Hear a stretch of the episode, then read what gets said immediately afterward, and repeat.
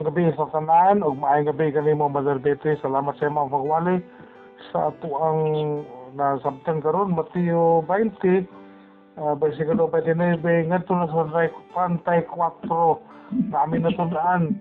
Father, dayon ako itudlo niya nindot ang imong pagkawali.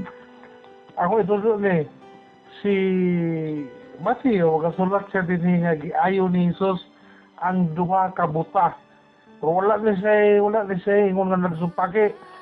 Pero si Marco Silok, nagsulti sila nga usa lamang kabuta. Pero wala problema na, maduha ba usa. Ang ngalan, gingalan ni Marcos ug ni Lucas, ang katong usa kabuta, nga si Bartimeus.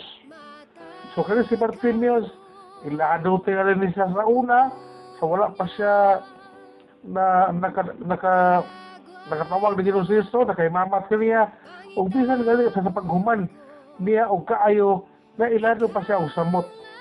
Atong ibutang atong mga kaulingon dinha ni Bartimeus mga igsoon. Karong panahon na naay klase sa pagkabuta nga ang mga tao talag sarayod sila mo reklamo nining moong pagkabuta o nagtinguha nga maluwas sila gikan ni ining moong pagkabuta klaro kayo sa tong kalibutan karon?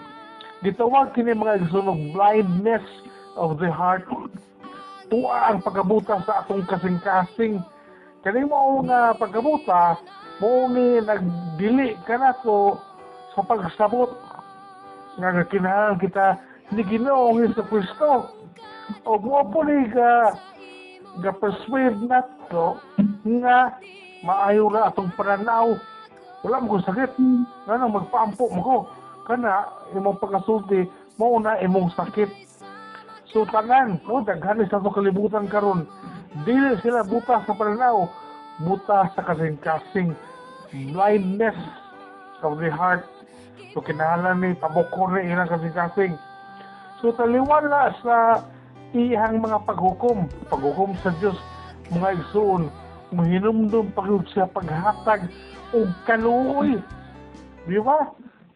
Naghanap kaya itong nasinati karon nga mga katalagman no? Ah karong adlaw gibalita nga may awas ang katong Marikina River. Naalang gyud sa Ulysses ni awas sa katong sa bagyong Rule grabe ang ulan. Sa bagyong Tonyo grabe ang hangin. So pag-abot ni bagyong Ulysses yung baha kaya nag-ipon ang tubig. Napay usa katapusan si Vicky so tiliwala sa mga paghukom sa Ginoo nga ang mga Pilipino in town nakalimot kaniya lain-lain tag mga gihimo nga mga kasalanan nga nakaabot sa iyang trono na ang paghapon ang paghinamulong sa Diyos nga kaluyan kitang mga Pilipino. So daghan ka sa gipadangat nga mga pagtabang dili ka nato mga isuon. Bisan tuod nga gi-deprive no wala gihatag sa Dios sa maalamon nga rason ang kining pananaw nining duha ka tawo wala niya kuhay sila og faculty sa pagsulti sa ilang ba-ba.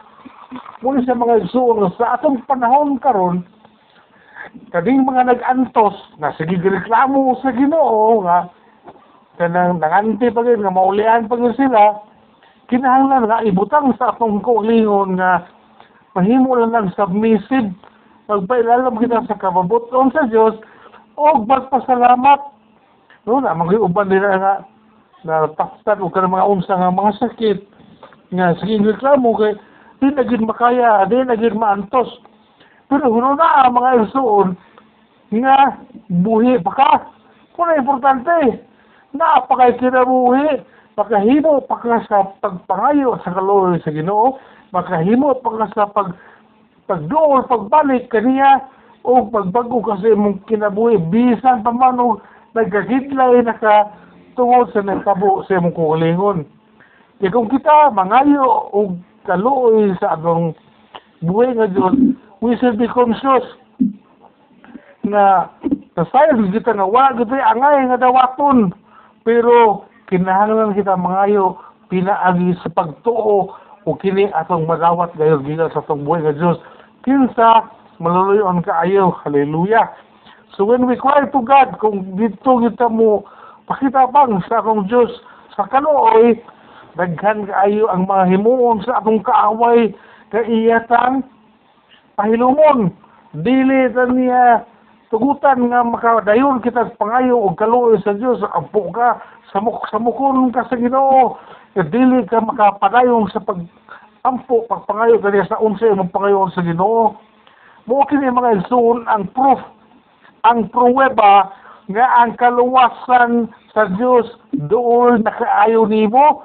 Ug nahadlok ang kaaway nga madawat nimo kini mo na nga pungan kaniya. Pero sama ni atong duha ka buta nga nisagit bisag ibadlong sila sa mga tao. Huy hino mo sapa magkaay mo na ang Ginoo na ah bahala nila dito eh.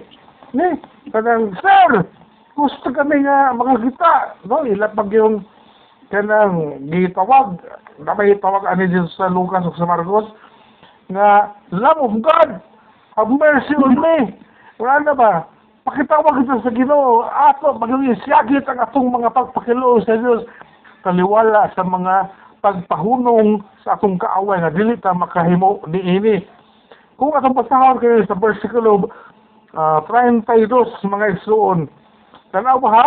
Mihunong si Jesus ug nangutana kanila kanindot mga igsoon kung sa may gusto ninyo nga akong buhaton kaninyo ikaw karon kiswanon ako igsoon kung sa may gusto ni Ginoong Jesus Kristo gibuhaton sa imong kinabuhi.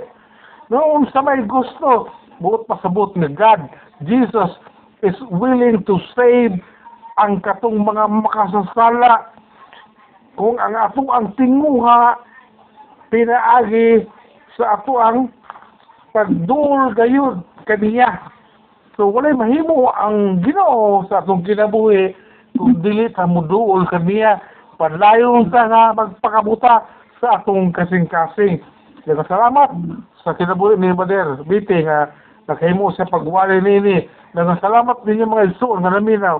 Ako naglaom naginaot nga nakatuon ka mo ato. Sa mubuk ka mga wali nga pagkadindot kayo mga isuon nga naa siya relation sa mga katawan sa kalibutan. O bisan sa ato mismo na kita nagtawag og pagpakaluoy ngadto sa buhay nga Dios. Daghang salamat sa pagpaminaw. Bagay ko ng Diyos ang pulong. Ang upang panahon, akong iuli sa atong MC. Hallelujah. Amen.